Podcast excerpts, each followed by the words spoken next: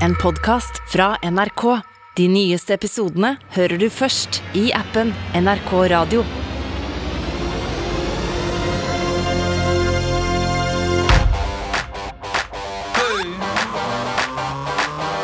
Popkorn over politikk med Sean Henrik Matheson og Gjermund Stenberg Eriksen.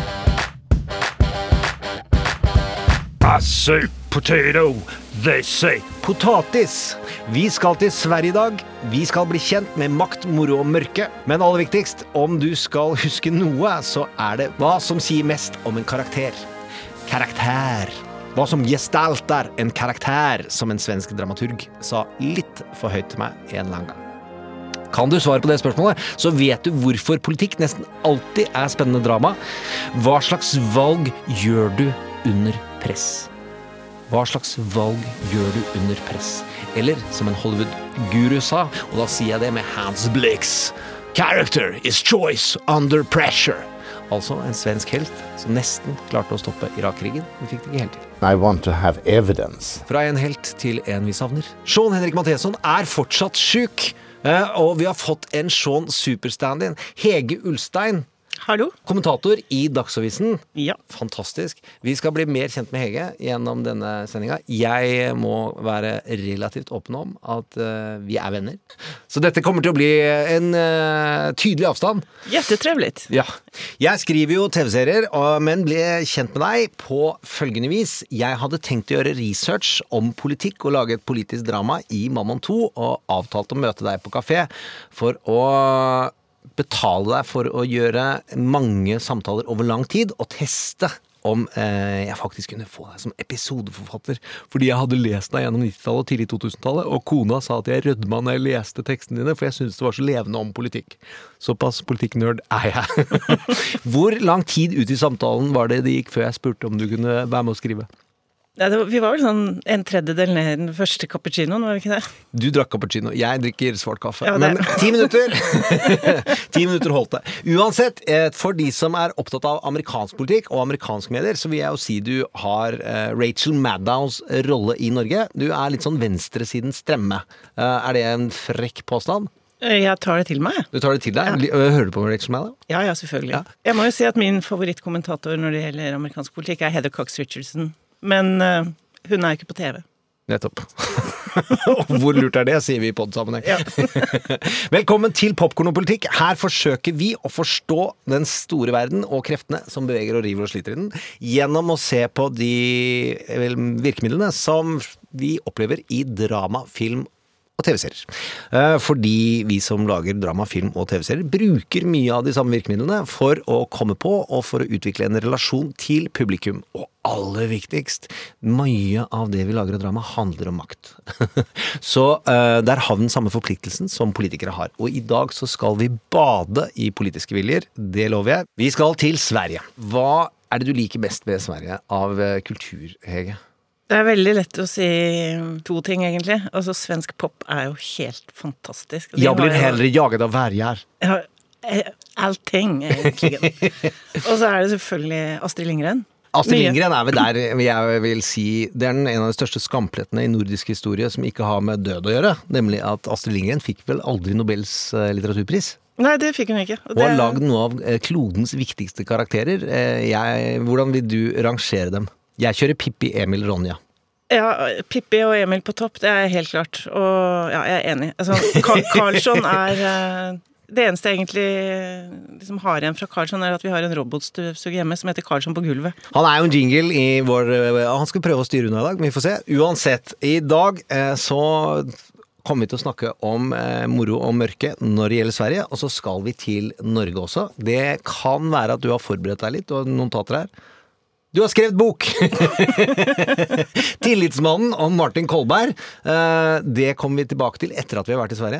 Eh, Jeg syns også en annen ting om Sverige. Jeg har et nærere forhold i de første 20 åra til svensk TV og svensk populærkultur enn jeg har norsk, fordi NRK hadde bare én TV-kanal, og Sverige hadde to.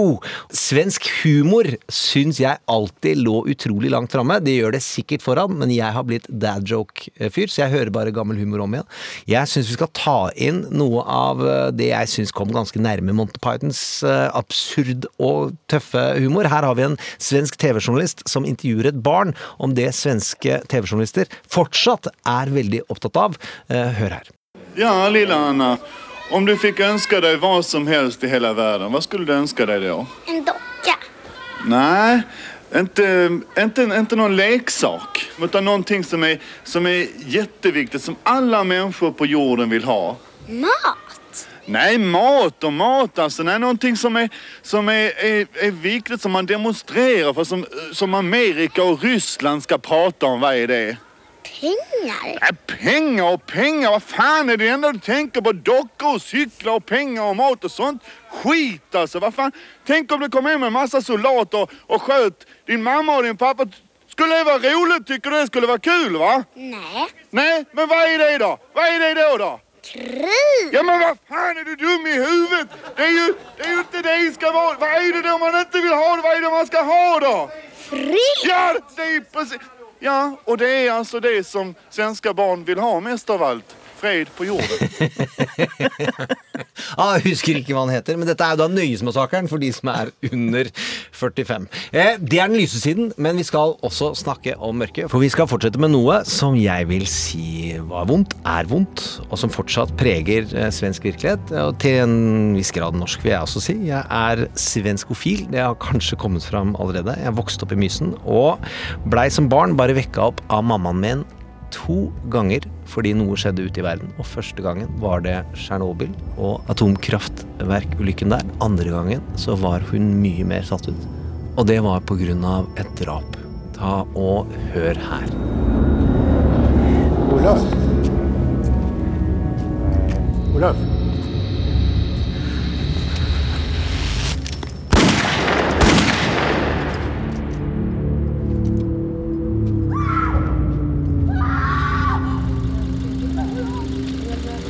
Vad fan? Så, Han springer där, ser du? Det er drapet på Olof Palme vi hørte her, eh, slik det framstilles i den nye TV-serien på Netflix. Hva heter den, Hege? Det heter Den usannsynlige morderen. Den osannolika mördaren, tror jeg på svensk. Og den omhandler Skandiamannen. eh, Det som det svenske politiet til slutt, etter altfor mange tiår, lander på at de tror kanskje var morderen. Hva betyr Palmedrapet for deg? Altså, det var jo, som, som du sa, et stort sjokk da det skjedde. Jeg var 15. Det er jo et slags sånn skandinavisk Kennedy-øyeblikk, egentlig. Vi trodde jo ikke at noe sånt kunne skje i vår del av verden. Og at en statsminister ble skutt på åpen gate, var Det var som om en helt annen virkelighet på en måte flyttet inn i, i Skandinavia. Jeg husker da vi, da vi lagde Mammon 2, mm. og den kom på lufta, så, så var det ikke sant, Det er alltid noe sånn Nei, det er ikke troverdig, og det er ikke realistisk, og sånn. og flere Vi elsker sa de, vi elsker de. Vi elsker de, selvfølgelig. Og Der dør det en politiker. ens politiker blir skutt på åpen gate. Ja, og da, da var det flere som sa at det, altså, det er helt Det skjer jo ikke i Skandinavia. Og så, og, og så ser jeg på dem, og så sier jeg Men det har jo skjedd. Ja. Og så sier de Det har det jo ikke. Jo, det har det. Og det, men, og det er, jeg syns det er så interessant, for det altså det viser at palmedrapet er så utenfor, selv nå, så mange år etterpå, utenfor vår virkelighet, på en måte, at vi klarer nesten ikke å ta inn at det faktisk skjedde. Men det gjorde altså. Han gikk på kino, kom ut på Sveavegen, og ble skutt rett ned og drept. Mm. Jeg vil jo si at det er eh, en blanding av både Kennedy-drapet og Vietnam. Altså Det var da Norden mista sin uskyld. Mm. Da vi hadde hatt andre verdenskrig. Det var forferdelig vondt for mange. Vi tar ikke samtalen om Sverige rundt det. Eh, Vi går videre. Men så var det ikke den type tragedier som uh, prega Norden, og så kommer det drapet. Uansett, Panne var også en karakter, og i dag skal vi snakke om sentrale karakterer i svensk sosialdemokratisk historie og noen uenigheter de har hatt. Og så skal vi snakke om noen norske karakterer i sosialdemokratisk historie, og noen veldig tydelige uenigheter som har vært der. Og da tenkte jeg at det kan være greit å friske opp litt. Hvordan er det man definerer en karakter? Det er ikke bare at det er eh, choice under pressure, eller choice under pressure, hvis du vil være Hans Blix. Eh, Men når vi jobber sammen, det har vi gjort før, og vi skulle definere karakterene, og de karakterene vi jobbet med i Mamma 2, da skulle vi ta noen sosialdemokratiske arketyper eh, som ligna på Blair og Brown, lignet på Jagland og Jens, og lignet på noen klassiske Skule og Haakonsen fra Ibsen av, som hadde tatt de igjen fra gamle Shakespeare-forbilder, om hvordan maktkamp og viljer foregår.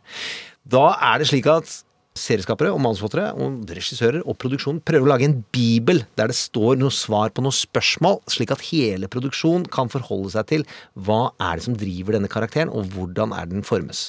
Vi kan ikke ta alle typer spørsmål og svar de har der, men det er fire som er absolutt viktigst for hele dramaverden.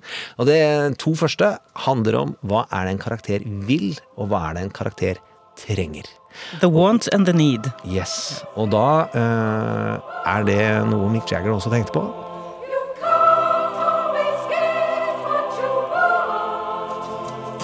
You can't always get what you want. But if you try sometimes, well, you might find Og Mick og Rolling Stones er jo oppegående mennesker med lærerforeldre. Noe vi elsker, vi som har lærerforeldre. Hei, mamma.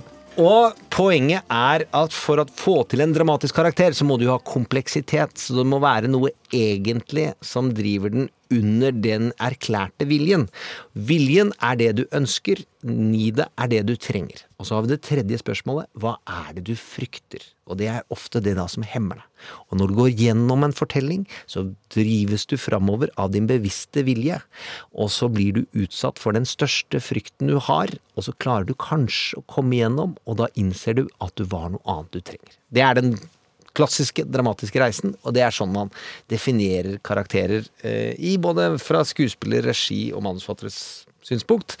Svensk sosialdemokrati og norsk sosialdemokrati. Vi, øh, vi, kan, vi gir beng i hva du har stemme på, men at de har bydd opp til med folk som har engasjert, og folk som har lagd mye lyd om seg selv, på godt og vondt, det er sikkert. Og der tenkte jeg at vi kan se litt på de eh, små eh, verktøyene for å diskutere noen av disse svenske og norske karakterene, og du har fulgt dem mest.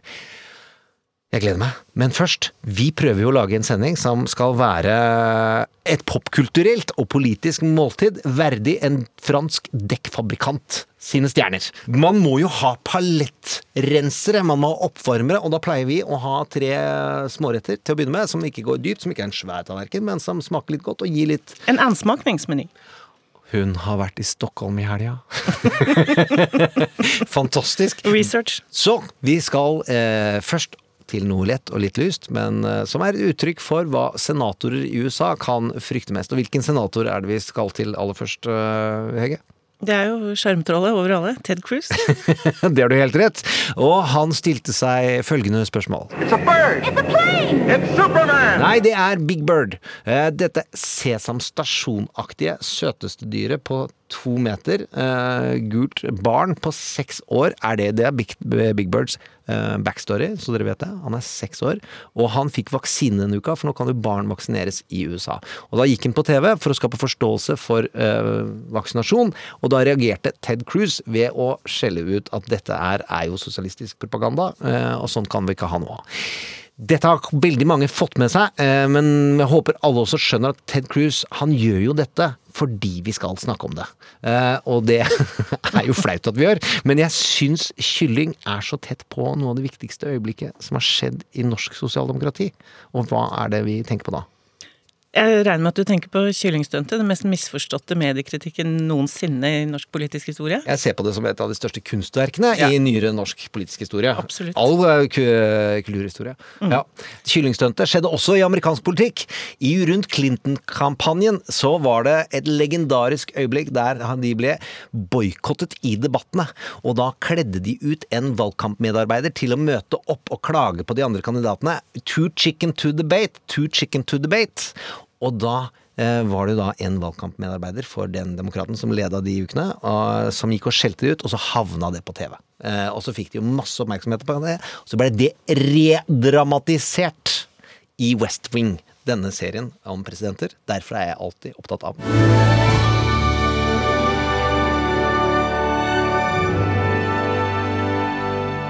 Så fra eh, noe lys senator eh, via eh, til noe, noe mørkere amerikansk kongressrepresentant, nemlig Gozar, som er republikaner, som denne uken tok tak i en Twitter-melding der det er en animasjon av han som tar eh, livet av sin politiske motstander, Alexandre Ocasio-Cortez. Det er en japansk animefilm hvor de bare har ganske amatørmessig lagt ansiktene oppå tegnefilmtegningene. Men det er jo virkelig uttrykk for at den amerikanske politiske kulturen har gått av skaftet. Hva syns du? Jeg vet ikke helt hva jeg skal si, jeg. Altså, det er, det er så uvirkelig, nesten, at uh, altså, voldsfantasier blir en del av politisk propaganda på den måten. Og jeg vil jo anta at uh, AOC er en person som får ganske mange alvorlige trusler. Altså, hun er jo på en måte Hun sjekker jo på alle boksene. Så det å egge til hat på den måten der, det er jo helt Ja. Ja, Trøkket rundt eh, politikere i USA har aldri vært større, og senest i går kveld så kom det en ny eh, trusselvurdering fra de amerikanske sikkerhetsmyndighetene at politikere har hatt et konstant økning av antall voldstrusler de får til telefon og e-post. Eh, og det har vært flere avspillinger av den type trusler denne uka, fordi det er 13 republikanske eh, representanter i Representantenes hus som støttet infrastrukturen pakka til Biden, og de har fått et kjør uten like i sine eh, kanaler. La oss høre allikevel. Gozar sin familie har stilt opp i en del reklamefilmer, og de har da ikke akkurat gitt uttrykk for støtte til broren. Vi kan jo høre her hva søstera hans sa eh, på et av de største søndagsshowene denne uka. no one holds him accountable. And that, this is something that I have to openly wonder. Does he have to act on it himself before we believe that he is an absolute, he's a sociopath? And what's more, we know from everything we have seen, and certainly Attorney General Garden has seen much more of it than I, that there is evidence to show he was in a conspiracy to commit treason against the United States of America. Where is the accountability? Det er søstera si. De har også lagd en reklamefilm, hele bøtteballetten av fire-fem søsken, tror jeg, eh, hvor de stiller for den demokratiske kandidaten og mener at bror ikke må velges. Sosiopat eh, er det søsterens eh, reklame for bror, altså. Det jeg syns er spesielt alvorlig, er jo denne normaliseringen av voldstrusler rundt politikere. Det er jo nettopp det som har kommet fram at var en tendens rundt Palme, og som vi må, vi må bekjempes med alle midler. I, I Norge også. Ja, av flere grunner. Fordi en ting er jo at ord kan bli til handlinger, det vet vi, og det har vi jo sett mange eksempler på, også i Norge. Og det andre er jo at altså, grunnen til at disse truslene kommer, det er ikke, det er ikke tøys, det er ikke for gøy. Det, det er jo fordi at man har et reelt ønske om å bølle folk ut av verv, ut av offentligheten, og få dem til å gi opp og ikke orke mer.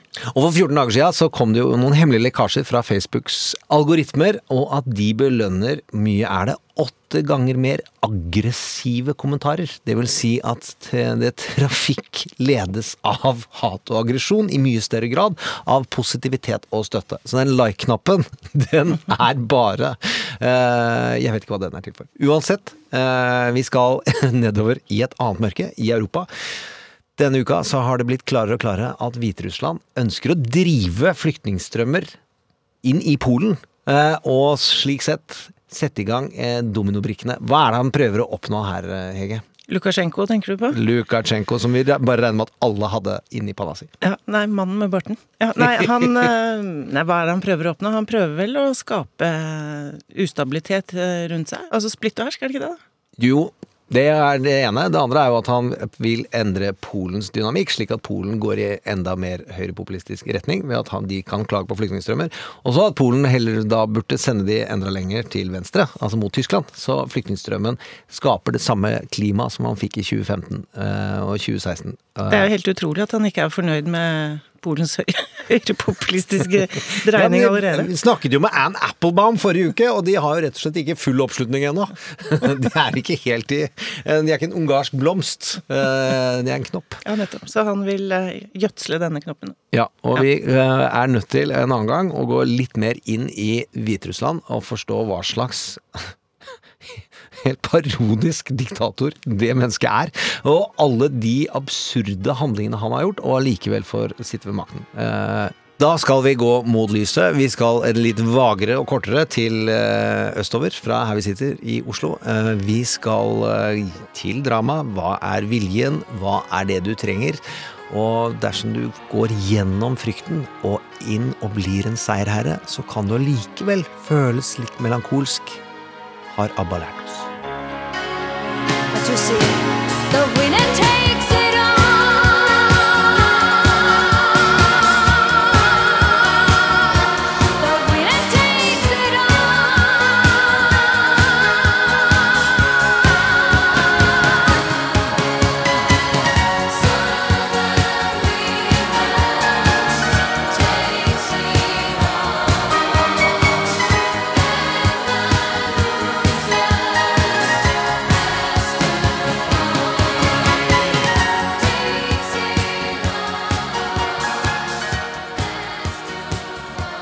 Sverige skal kanskje få sin første kvinnelige statsminister. Eh, Det trodde jeg inni hodet mitt og hjertet at det hadde skjedd for lenge siden. Det har det jo ikke. Og sin andre sosialdemokratiske kvinnelige leder. Det skal vi komme til, men vi må gå litt inn i det svenske sosialdemokratiets melankoli og Olof Palme sin død. Hva slags karakter var Olof Palme, Ege? Olof Palme var jo en usannsynlig leder for eh, et sosialdemokratisk parti, egentlig. Han hadde en stor arvet formue. Han var rik. Det lyder jo kjent, kanskje, for, eh, for norske lyttere. Og det gjorde jo at han på mange vis var hatet av store deler av høyresiden på en litt annerledes måte enn enn den sånn normale politiske motstanden som, som selvfølgelig er der og er naturlig og, og, og riktig og bra at man har mellom høyre- og venstresiden i et demokrati. Han var en Hillary Clinton for sin tid, Ja, nærmest. ja, altså, en som Ja. eh, høyresiden hadde blitt trent opp til å eh, uttale seg negativt om i sosiale sammenhenger om igjen og om igjen. Om igjen, om igjen. Ja, og det, jeg, jeg tror noe av forklaringen på det hatet var at en del oppfattet som en slags klassesvik, altså et overklassesvik, da. At en person med den bakgrunnen som han hadde, valgte å gå til sosialdemokratiet og kjempe for de verdiene. Han var jo også en veldig sånn sterk ideologisk leder, ikke sant, som, som hadde Han var en gudbenådet taler, og altså når du hører han Altså Uansett om du er sosialdemokrat eller ikke, så får du nesten lyst til å være det når du hører han fortelle om den ideologien på den måten han gjorde. Og jeg er demokratisk socialism. Med stolthet och med glädje. Jag blev det när jag for omkring i Indien och såg den fruktansvärda fattigdomen. Fast en del var oerhört rika. När jag for runt och såg en ännu mer förnedrande fattigdom på sätt och vis i Förenta Staterna. Jag bestyrks i min övertygelse när jag ser ut över världen.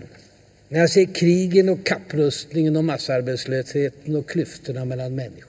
Nå har det kommet enda en TV-serie om Palmedrapet på Netflix, eh, hvor eh, Robert Gustafsson, en veldig kjent svensk komiker i Sverige, og ganske kjent svensk komiker i Norge, fordi han har vært eh, på mange betydelige TV-opptredener her også, spiller Skandiamannen. Eh, først, hva vil du si om portrettet eh, av eh, Skandiamannen som kommer fram i denne serien? Jeg syns det er et helt fantastisk portrett. Det er en kort serie, fem episoder. Serien bygger på teorien, og sannsynligvis den korrekte teorien, om at det er denne Skandiamannen som er mannen som skjøt og drepte Olof Palme i 1986. Og det framstår som veldig, veldig troverdig i den serien. Og det portrettet vi, vi får av den personen, det er jo en mann som har prøvd hele sitt liv å være en del av en slags elite. Han vil inn i Moderaterna, han vil inn i lokalpolitikken. Han vil bli populær. Han vil være populær, han vil bli likt, og han får det ikke til. Blir mobbet, latterliggjort. En litt sånn stakkarslig fyr.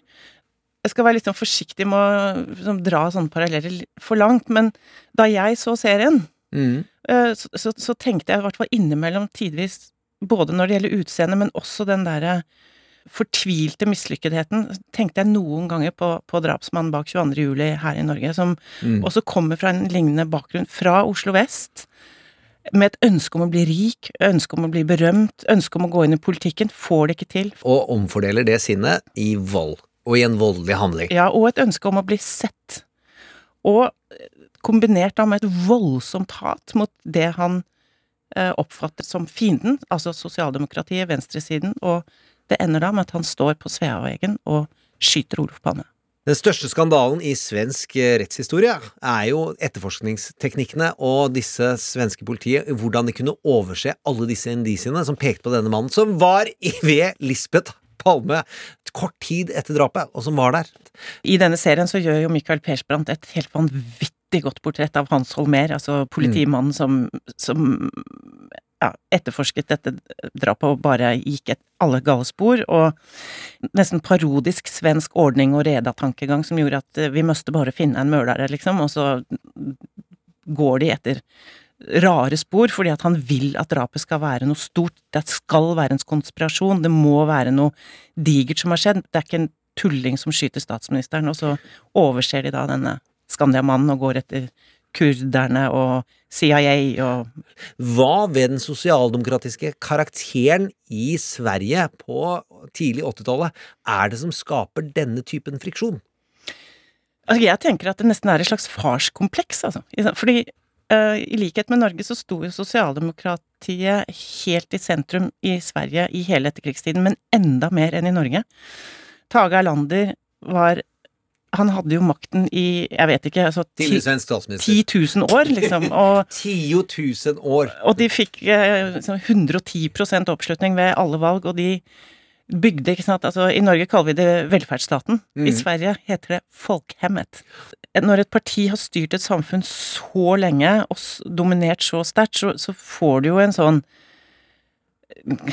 behov for løsrivelse eller et eller annet, ikke sant. Og det Altså, du og jeg er litt uenige om dette. Jeg mener at i noen type TV-serier så går det kanskje an å snakke om samfunnet som en karakter. Mm. Jeg mener at du kan si det om Game of Thrones, jeg mener at du kan si det om Handmaid's Tale, hvor den store antagonisten ikke er overgriperen, eh, den personen som er eh, liksom overgriperen, men det er hele samfunnet som er overgriperen og motstanderen til eh, heltinnen i Det er Pensum, folkens. To fantastiske TV-serier der vi eh, har lyst, men vi skal ikke, fullføre diskusjonen rundt det.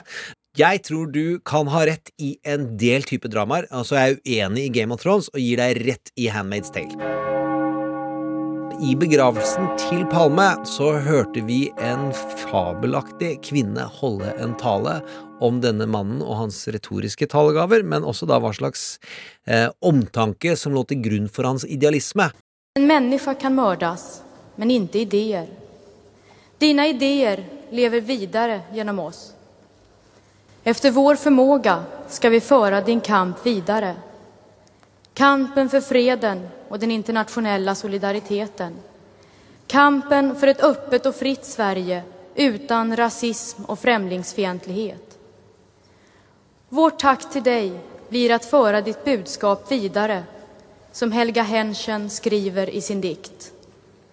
Tala, du som ännu har läppar.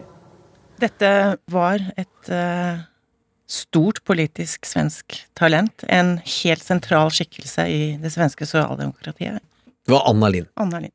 Her hører vi henne som leder for det svenske AUF, SSU, i Palmes begravelse. Hun eh, ble siden utenriksminister, og lå an til å overta hele partiet etter Göran Persson. Det var ganske klart for alle at da hans tid gikk mot eh, slutten som partileder og statsminister, så var det hun som skulle fylle, fylle de rollene. En fantastisk eh, dame. Karismatisk, dyktig, eh, sterk ideologisk. Så går hun på shopping med en venninne i Stockholm og blir eh, stukket ned og drept. Hva gjorde dette med svensk sosialdemokrati? Ja, det var jo et nytt traume. Likheten mellom, mellom de to drapene er at man fikk en veldig sånn sterk følelse at framtiden bare ble borte. Det var det som skjedde også sant, med Palme, at han var håpet, han var fornyelsen. Det var han, han som skulle ta arven videre, på en måte, etter, etter Tage Erlander, og så ble det bare borte vekk. Og mye av det samme med, med Anna Lind. Hun var jo jevnaldrende og en god venn av Jens Stoltenberg, så vi, vi kunne liksom tenke oss den type tap da, i, i en sånn fase hvor du ser at sosialdemokratiet kom, går inn i en, liksom, en ny generasjon er i ferd med å overta, det er fornyelse, utrolig Mm. populær og dyktig politiker, og så er det bare borte. Det skjer mye i over to tiår. Men det blir en enorm arbeidsledighet blant ungdom. Det er derfor vi fikk utrolig mange svenske fantastiske mennesker som kom til Norge og jobba isteden. Det var en vekst i eh, innvandringsbefolkningen i Sverige, og man hadde en ganske stor debatt fram mot at vi nå har fått et eget begrep i Norge som heter svenske tilstander. Det må vi snakke litt om, men la oss bare høre på The Hives, eh, for vi er ikke enige i alt her i verden.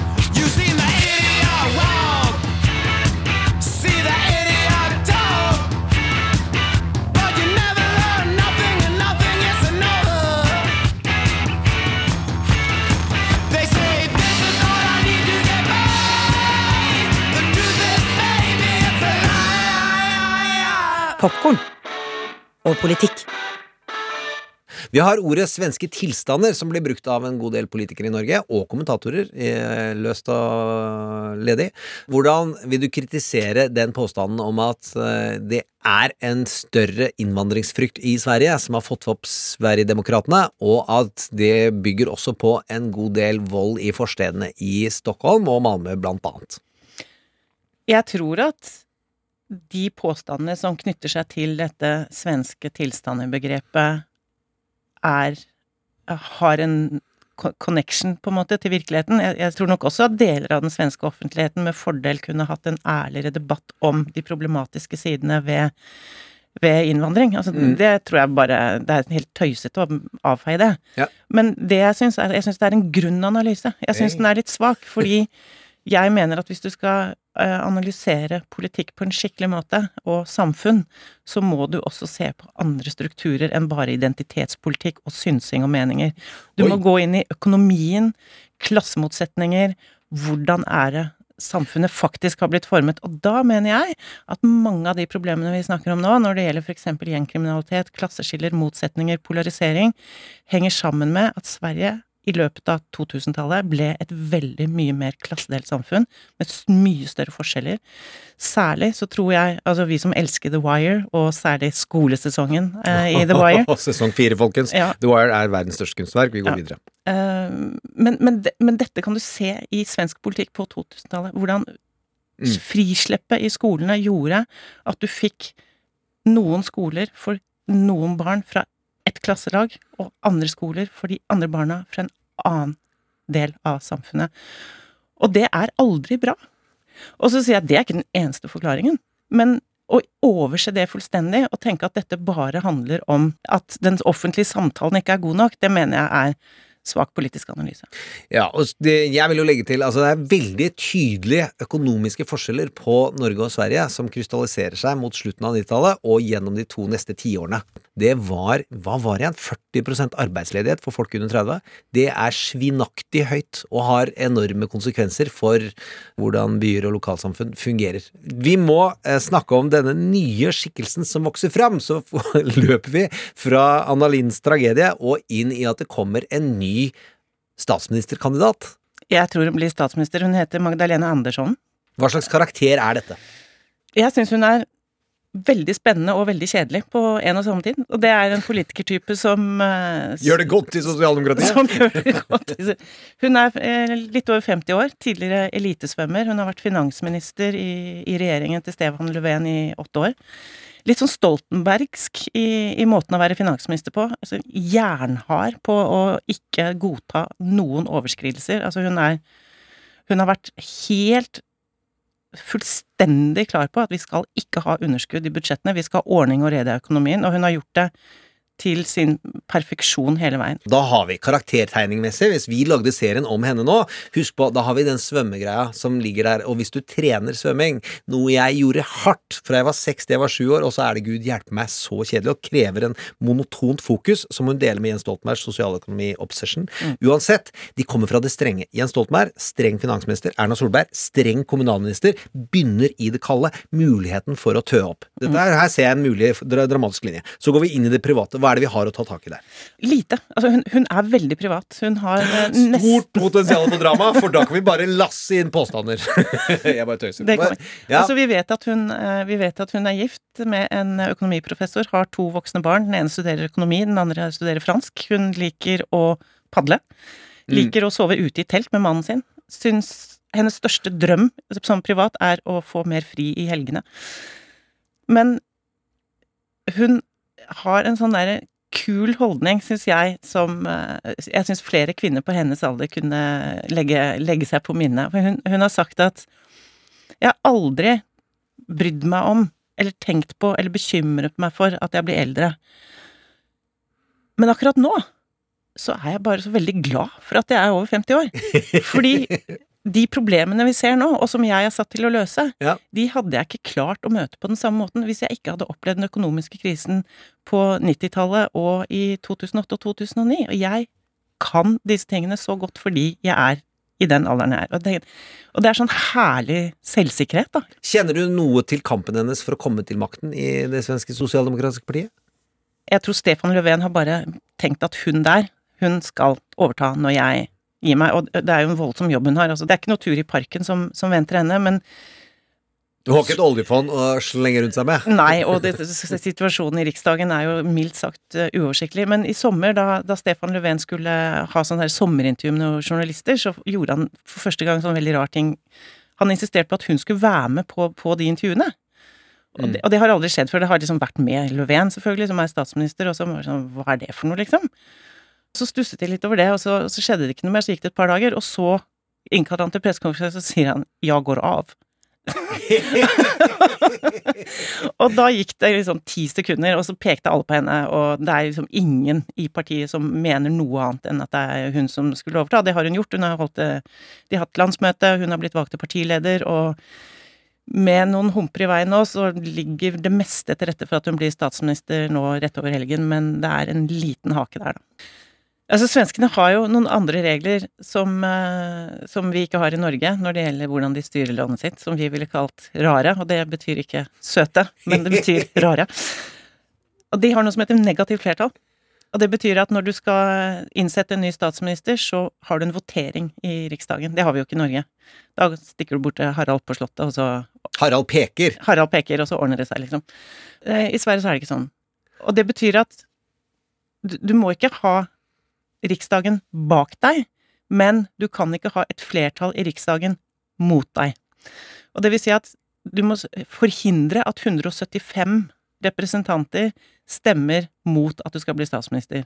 Nå er det 174 representanter i Riksdagen som ikke vil ha henne. Ikke sant? Moderaterna, Sverigedemokraterna eh, og et par andre mellompartier. Så hun har allerede 174 stemmer mot seg. Og det betyr at det mangler én stemme, og da blir hun ikke statsminister. Og så trenger ikke de, den andre gjengen, på en måte, de trenger ikke å stemme for henne.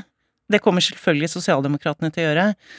Eh, Senterpartiet eh, og Sveriges SV er jo de som man da følger veldig nøye med på. De trenger ikke å gjøre noen ting, de kan bare si at vi legger ned våre røster. Altså, de gjør ingenting. Mm. Det har Senterpartiet sagt at de gjør. De har fått noe sånn der eh, Du kjenner Senterpartiet, har fått noe sånn skog- og strandpolitikk som de liker, og så er det greit, liksom. Så da sitter vi rolig, ok? Så da blir det ikke noe derfra. Men SV i Sverige, de bråker.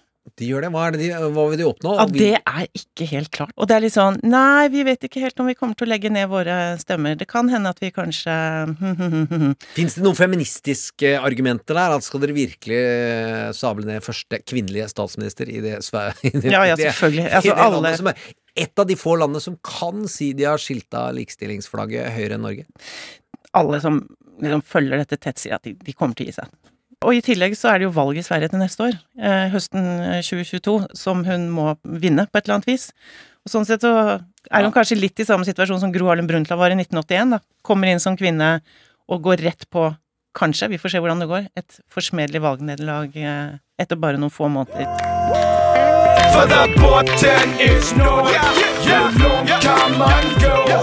Hur långt kan man sjunka? Hur kast kan man må? Kändes för jävligt innan men det börjar bli lite bättre nu min vän. Om jag tappar fästet och trillar ner ska jag klättra upp igen. Vi tittar uppåt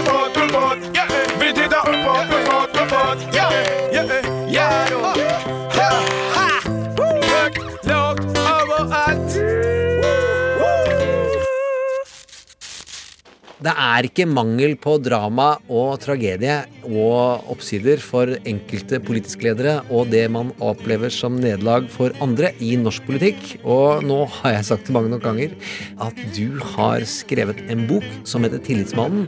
Og det vi hører under her, er boktipselåta fra svensk barne-TV fra 80-tallet. Fra den tiden man kunne signalisere at nå skal vi snakke om bok på TV, så løp barn til skjermen. Tror du det skjer fortsatt, Hege? Nei, jeg er kanskje redd for at det ikke skjer, dessverre.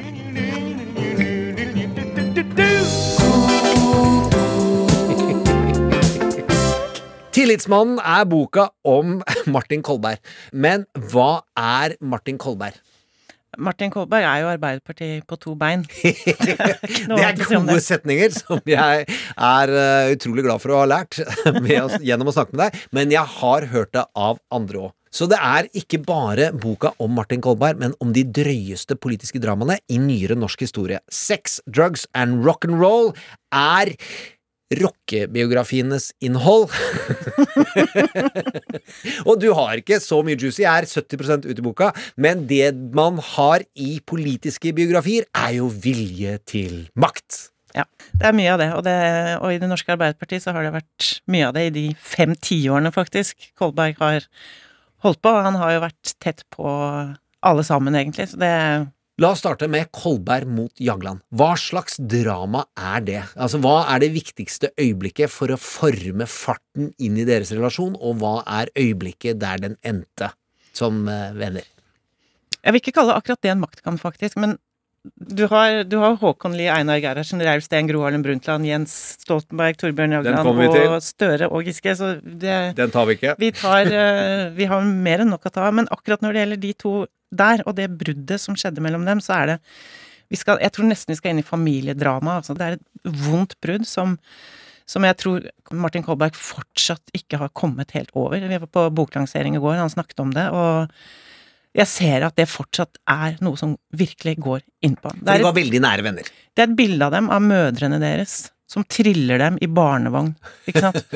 altså, de var, de var som politiske tvillinger fra, fra ungdommene av. Eh, de avtalte liksom ok, du tar partiet, jeg tar liksom den framskutte rollen, og du tar organisasjonen. Altså Martin skulle ta organisasjonen, ja. og eh, Torbjørn skulle ja. ta partiet. Vi later som vi er på fornavn. De, de, ledet AUF sammen, ja. de var i Lier AUF sammen, ikke sant. Og så kommer Gro Harlem Brundtland inn på Stortinget, hvor Torbjørn Jagland er parlamentarisk leder, Martin Kolberg er sekretariatsleder går inn til Torbjørn Hageland og sier at uh, jeg trenger at Martin kommer opp til meg på statsministerens kontor og begynner å jobbe for meg. Jeg trenger noen jeg kan stole på der oppe. Og så går hun inn til Kolberg, og det pleier hun aldri å gjøre. Han er litt sånn Hvorfor? Jeg er ikke hennes naturlige samtalepartner her. Slenger veska på sofaen, setter seg ned og sier at uh, Martin, du skal begynne opp hos meg. og så sier Martin at ja, det Ok, eh, men, men det, det, Jeg hører hva du sier, og jeg gjør som du sier, men dette må jeg snakke med Torbjørn om. Og så sier han ja, det er greit, vi har snakket sammen, så sånn blir det. Og så tenker ikke han noe mer på det. Og så ok, men da blir jeg stabssjef eh, oppe på statsministerens kontor for Gro. Han har jo jobbet med henne hele 80-tallet, de kjenner hverandre kjempegodt. Så kommer Torbjørn inn, sier du, har du bil? Ja, jeg har bil. Jeg, jeg vil gjerne sitte på med deg eh, tilbake til Lier. Ja, ja, nei, det går fint. Og den bilturen er altså så grusom. Torbjørn Jagland er helt stille, sier ingenting. Han er snurt, sur. Og Kolberg kjører utover E18 mot Drammen, og så sier uh, Torbjørn Jagland dette her har du planlagt lenge. Nettopp. Og så sier Martin nei, nei, nei, nei, dette her har ikke jeg planlagt. Og så, og så sier han bare jo, det har du. Og så sier Kolberg men Torbjørn, jeg gjør ikke dette her hvis ikke vi er enige. Og så sier Torbjørn Ørland nei, men vi er blitt enige. Og så sier han ikke noe mer, og etter det så snakker han ikke med Martin Kolberg i det hele tatt. Han går til statsministerens kontor. Ett år senere så overrasker Gro Harlem Brundtland hele Norge, går på Stortingets talerstol og sier 'jeg går av'. Torbjørn Jagland blir statsminister. Mm. Alle tror da at Martin Kolberg, som nå er den øverste på statsministerens kontor, ikke sant, stabssjef, mm. skal fortsette, og at han er plassert der som en forløper til Jaglands overtagelse av Arbeiderpartiet og, og statsministerrollen. Og han får ikke noe telefon. Han blir vraka, sendt vekk, kasta på bålet, som han sier. Og Torbjørn Jagland eh, overtar, og så vet vi resten av historien om hans statsministertid. Martin Kolberg eh, følte seg da forbigått og satt til siden. Så kommer denne svære, store, episke valgkampen, som er veldig lik eh, Brown versus Blair, Jagland versus Jens, Skule mot Håkon Håkonsen. Uansett, Jens Stoltenberg blir statsminister, taper første valgrunde, så det synger etter. Andre runde så har han Martin Kolberg som partisekretær, og denne mannen som skulle få partiorganisasjonen, har den. Da blir jeg kjent med Martin Kolberg gjennom jobben. Altså Jeg blir jo da assistentassistent, og da skulle det reklamebyrået lage valgkampmateriellet til eh, Arbeiderpartiet. Og så Martin Kolberg var utrolig morsom i møter. Og jeg Ja, men han er jo det. ja, ja, men jeg satt jo, jeg satt jo og jeg syntes det var utrolig mye moro i de møtene. Så kommer jeg hjem til mamma og pappa, og så sier jeg du, Martin Kolberg han skal på Nytt på Nytt i dag. Dere tror han er utrolig dørgende kjedelig. Det er han ikke. Det der kommer til å bli moro.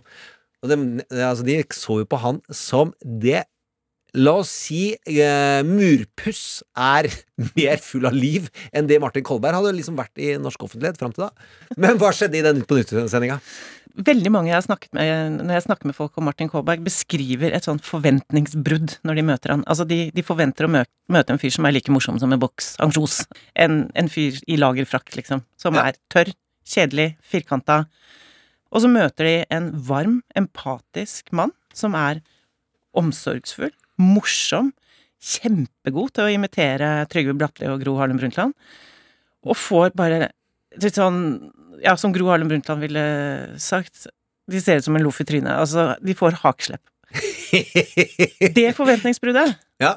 det skjedde jo med 1,3 millioner nordmenn samtidig Ja. under denne Nytt på Nytt-sendingen. Og du intervjua Knut Nærum om fenomenet til den sendinga. Nei, altså jeg gikk jo gjennom hele sendingen sammen med Knut Nærum. Altså Martin Kolberg var jo på Knut Nærum sitt lag Ja. i, i sendingen. Og jeg har også intervjuet uh, Guri Skavlan, som var uh, produsent, og fått både hvem som foreslo at Martin Kolberg skulle i Nytt på Nytt, som var en stor overraskelse for meg, og hvem som prøvde å stoppe at han skulle være med på Nytt på Nytt, og hvem som ringte Fortell, fortell. NRK Hvem foreslo? Hvem etterpå ville og ville ha DVD-en sendt hjem i posten. Ja, kjør, kjør. Hvem foreslo, var- hvem vil stoppe, og hvem vil ha DVD? Jonas Gahr Støre er en god venn av Guri Skavlan. Hey. Han sier til henne at dere må ta med Martin Kolberg i Nytt på Nytt. Han er, han er jævlig morsom. uh, og de bare hæ? Og så, men så tenker de at de, de, de prøver det, og så, og så begynner jo ordene å gå da i, i Arbeiderpartiet om at Kolberg skal på Nytt på Nytt. Og da blir Jens Stoltenberg stressa, og tenker at det er kanskje ikke den lureste ideen. Så da ringer Torbjørn Gjøver Eriksen Han var en av sjefstrategene til Jens Stoltenberg gjennom hele hans statsministerperiode. til, eh, til folka til Martin Kolberg og lurer på om kan vi få dette til ikke å skje? Men det, det skjedde, da, som vi vet. Og, og det ble jo en legendarisk sending. Og hvem vil ha DVD-en? Liv Ullmann, som var i USA og hadde hørt rykter om at dette her synes jeg var Dette var sjelden juicy og flott. Ja, og dette er jo en ypperlig anledning, Hege, til å sende alle til appen NRK Radio, eh, hvor du kan høre mer om politiske spinndoktorer og karakterer og disse Best of-listene som vi har snakka om, og alt mulig annet podkastgøy. Og husk å logge dere inn, for det har jeg nettopp lært meg. Logg dere inn, for da skreddersys den litt mer til hva du pleier å høre på. Jeg syns norsk politikk, svensk politikk, er fabelaktig morsom. Jeg syns det er spennende, og jeg syns det er mye vondt som har skjedd her. Men det er få karakterer som har blitt så tydelige som denne engelskmannen vi nå skal snakke med Gry Blekstad om. Bojo. Bojo. So wake me up when it's all over.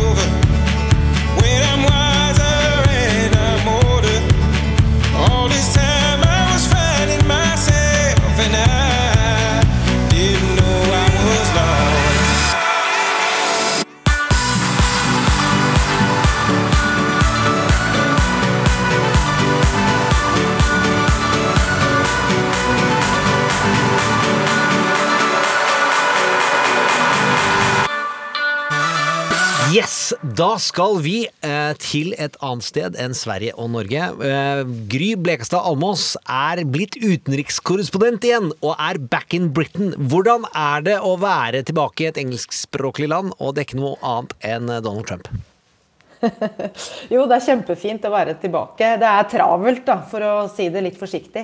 Det er virkelig nok å ta tak i her. I et land som overhodet ikke har klart å samle seg om én felles retning eh, etter denne eh, splittelsen fra EU, da. Så, så ja, travelt, men fint. Vi må ha en statsrapport om eh, Boris sine vanskeligheter eh, med korrupsjon. Så vi kan jo ikke ta alle ti detaljene som har kommet fram, men hvis du skal få fram, hva er det det har vært fokus på disse, den siste uka om eh, hans økonomiske snuskproblemer, han og hans regjering? Ja, det er mye, som du sier. Det begynte med eh, Owen Patterson, som er en eh, parlamentariker for det konservative partiet og tidligere regjeringsmedlem. Som eh, da har tatt seg betalt for eh, lobbyvirksomhet for private selskaper inn i da eh, det miljøet han har gode kontakter i gjennom sin politiske virksomhet. Og så eh, ble han da eh, suspendert av en parlamentskomité. Eh, vil si han skulle bli det, men så ble han i siste liten reddet av Boris Johnson, som eh, brukte partipisken og beordret sine parlamentarikere til å heller stemme for å endre disse reglene for eh, etisk eh, oppførsel da, i parlamentet. Og det eh, skapte så sterke reaksjoner at Owen Patterson da gikk av likevel eh, som politiker og trakk seg helt dagen etter. Fordi eh, dette ble jo selvfølgelig da sett på eh, som eh, korrupsjon, eh, eller i hvert fall Nepotisme, i hvert fall. Ja. Dårlig oppførsel av en statsminister og et regjeringsparti. Men så har jo dette ballet på seg. Så har man begynt å sette andre politikere i kortene.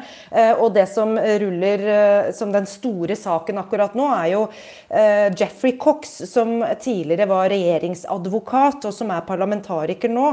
Han har også hatt en veldig godt betalt bijobb, som er lovlig. Det må, det må jeg si. I reglene her så er det lov å ha jobber ved siden av det å være parlamentariker, men det er regler for hvordan den andre jobben da skal utføres. Og den kan f.eks. da ikke utføres fra eh, kontoret i parlamentet, eller eh, gå på bekostning av den jobben man skal gjøre der. Og det er Jeffrey Cox nå blitt tatt i og har gjort. Eh, altså gjort møter for denne bijobben sin fra parlamentskontoret. Eh, og det er da en ny skandale som nå ruller rundt dette her. I tillegg til at det stilles spørsmål rundt hvem som egentlig betalte for oppussingen av Downing Street, der Boris Johnson nå bor, eh, og den dyre ferien han nylig hadde. Eh, Og spørsmålet betyr at det har man stilt spørsmål om i et år, man har ennå ikke fått svaret. man har ikke fått alle svar, i hvert fall. Og, og så er jo hele dette, denne pakka eh, blir stor. Så stor faktisk at tidligere statsminister for det samme partiet, John Major, har gått ut og, og kalt eh, Boris og det konservative partiet for korrupt. Noe som igjen har ført til at Boris Johnson nå, midt under eh, den største konferansen Storbritannia noen gang har arrangert, nemlig klimakonferansen i Glasgow, som skal redde verden, eh, må bruke tiden sin på eh, pressekonferanser der til å si at nei, vi er ikke korrupte. Så dette er en kjempestor sak som skygger over den eh, enda større, burde vært i hvert fall, klimakonferansen. Er dette noe man vanlig, Jeg spør Hege her nå. Eh, Hege, er dette noe man vanligvis overlever i norsk politikk? Ja, det har jeg ikke noen eksempler på at noen har gjort. så Jeg har lyst til å spørre Gry. Ja, men da Hva tror spør du vi Gry, går- Tror du han kommer han til å klare seg gjennom dette, eller går han av? Eller liksom, er det, altså, Altså, jeg- de er jo bortskjemte med skandaler borte hos deg, det er vi jo klar over alle sammen, men dette er Ja, og jeg er litt sånn fascinert på en eh, ikke nødvendigvis positiv måte over hvordan Boris Johnson klarer å sno seg unna den ene skandalen etter den andre. Eh, både mer sånn eh, håper å si personlig art, hvor han blir jo tatt i løgn stadig vekk, eh, men også rent sånn politisk art, da, hvordan han eh, gjør snuoperasjoner hele tiden eh, og ikke virker å ha noe sånn eh, bestemt retning for, for politikken han, han driver. Men så er han en å si, jovial type med en skarp replikk, eh, og også en morsom replikk ofte, som gjør at han når, han, når folk blir spurt om de liker han, så gjør de jo det, vet du. Så det er akkurat som det preller av alt dette andre, fordi han er en sjarmør på et vis. Gry, vi er nødt til å snakke mer sammen. Du har jo en haraball av oppgaver å gjøre de nærmeste ukene. Men kan vi rett rundt da julegrana, den norske julegrana, settes opp et eller annet sted i England? Og nå har du nettopp lært meg at det er masse norske julegraner som settes opp. Kan vi, kan vi ha en uh, avtale om å snakke mer om uh, britisk drama da? Ja, det må vi få til. Det hadde vært kjempekoselig.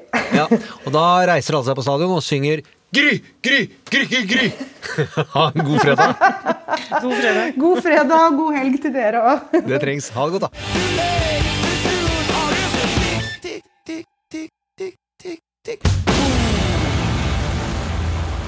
Og nå skal jeg fortelle en hemmelighet. Produsentene, det er Supersilje, og det er Kanon, driver med noe innen podverden, eh, lydverden, som jeg trodde man bare gjorde i TV- og filmverden, nemlig noe moro til slutt. Helt til slutt, som belønning etter liksom rulleteksten og alt, så kommer det en liten morsomhet, og denne uka har jeg bedt om en svensk morsomhet, fordi en av de morsomste tingene jeg vet om i hele verden. Det er eh, mora til prank calls, heter Hassan. og det skal være ukas konkurranse. Hva er det morsomste svenske øyeblikket du vet om? Send det til Trump at NRK, eller på den eh, Facebook-sida Popkorn eh, og politikk sin fandrevne Facebook-side. Eh, der legger jeg ut et lite moroøyeblikk, og under der så kan dere kjøre på med forslag. Forrige uke så skulle man foreslå hva er det morsomste Monty Python-øyeblikket. Det er eh, aldri kommet så mange svar i noen av de konkurransene våre, og alle svar var gode og riktige, og alle burde fått kopp. Det blir bare tre. Og Kanonjon, hvem er det som har vunnet? De tre vi har plukka ut, en av de som valgte The Fish Slapping Dance, var Martin Wold Stavrum. Husker du de står på kanalen der? Jeg husker den veldig godt. Christer Konst eh, var en av de mange som foreslo The Argument Sketch. Is this the right one for an argument? I've told you once. no, you haven't. Yes, I have. Pikunst. Eh, neste. Siste, Lars Helge Rask, en av de mange som foreslo The Parrot Sketch. Husker du? Daværende statsminister Margaret Thatcher siterte den i Underhuset. Polly! now that's what I call a dead parrot. Jeg husker også at dette er den første gangen jeg følte at Norge fantes i internasjonal kultur. Nemlig, det er jo en død norsk papegøye. Den er ikke død, den bare sover. Vi kan ikke begynne i Gretefella. Men neste uke, jeg lover én ting, skal komme tidenes fun fact om The Parrot Sketch, som sier noe om arbeidsprosesser mellom kreative talenter, og hvordan det ble da endelig mye morsommere.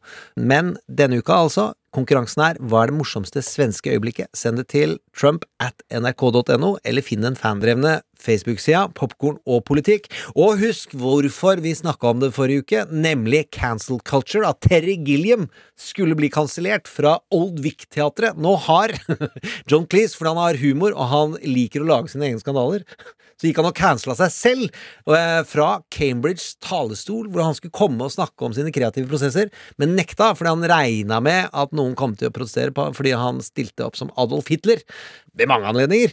Uh, og så er det noen som da tydeligvis ikke skjønner at han gjør det for å drite ut Alf Hitler. han er ikke altså en pro-Hitler-komiker, som det er et veldig smalt marked for, og det markedet kjenner ikke jeg til. Uansett, Aller først så må dere ta fram karmakanonen, den indre, store medfølelsesmuskelen du har i kroppen, og sikten mot Sean Henrik Mathesons hjem, så han blir bra igjen. Gutten er sjuk, han fortjener å bli frisk. Han er såpass uh, usjuk at det lover godt, så dere bør ikke bekymre dere. Men send omtanke, karma og alt mulig. Uh, det syns jeg uh, alltid hjelper.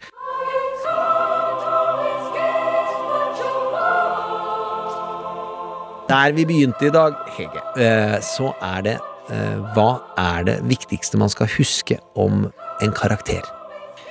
Det er jo det at du lærer en karakter å kjenne først når den karakteren må ta et vanskelig valg under enormt press. Og det er jo det som er så herlig med politikk, at det skjer hele tiden. Jeg husker da jeg eh, snakket med politikere om denne boka, så, så var det Jeg tror det var Jens Stoltenberg som sa Du vet det at jobben vår, det er å ta beslutninger, ikke en og annen gang, men mange hundre beslutninger hver eneste dag, dag etter dag, år ut og år inn.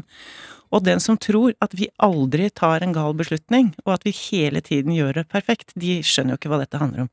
Så selvfølgelig gjør vi feil. Selvfølgelig går det gærent. Av og til. Jobben er å sørge for at det ikke går gærent altfor ofte. det er typisk pragmatisk innsikt. Men hvordan er du under press? Hvilke valg gjør du da? Hva er det politikere pleier å svare på sånne spørsmål? Det syns jeg andre kan få bedømme. Jeg har to ulike reaksjonsmønstre. Det ene er negativt. Altså, det, humøret går ned, eh, og man blir redd. Det andre er at humøret mitt går opp. Jeg prøver å vitse. Jeg prøver å holde stemninga. Jeg å, prøver å dra det mot håp.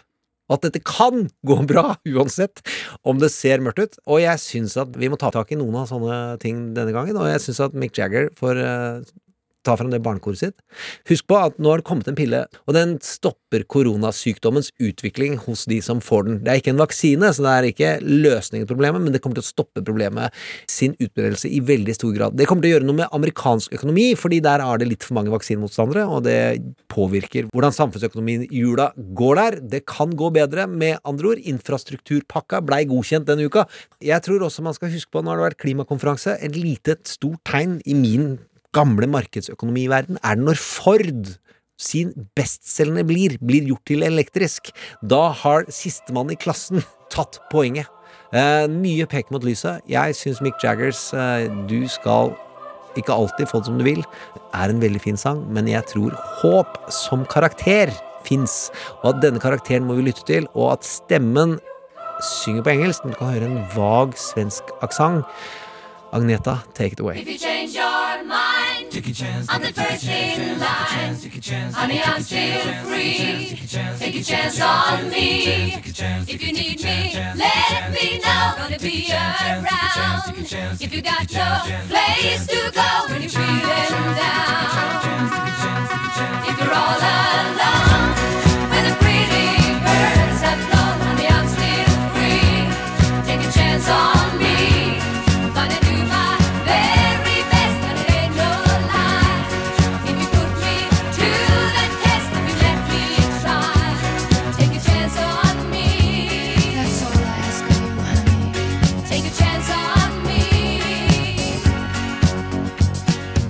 Du har hørt en podkast fra NRK.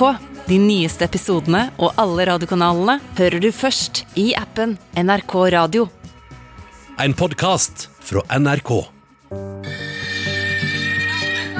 I seks år har dyrevernere filmet ulovlig i norske grisefjøs på natta. Så ser du den lille babyen der. Han har kloremelke på magen. Han bakerst der. Hvordan er det å være aktivist? Så er siste nytt nå at jeg er totalt kjørt. Er det verdt all innsatsen? Podkasten Aktivistene hører du først i appen NRK Radio. Bamse Grill, Bogdan? Hej, är det gatuköket? Det är Bamse Grill, ja. Ja. Hej, Christian Lok, Sveriges Radio.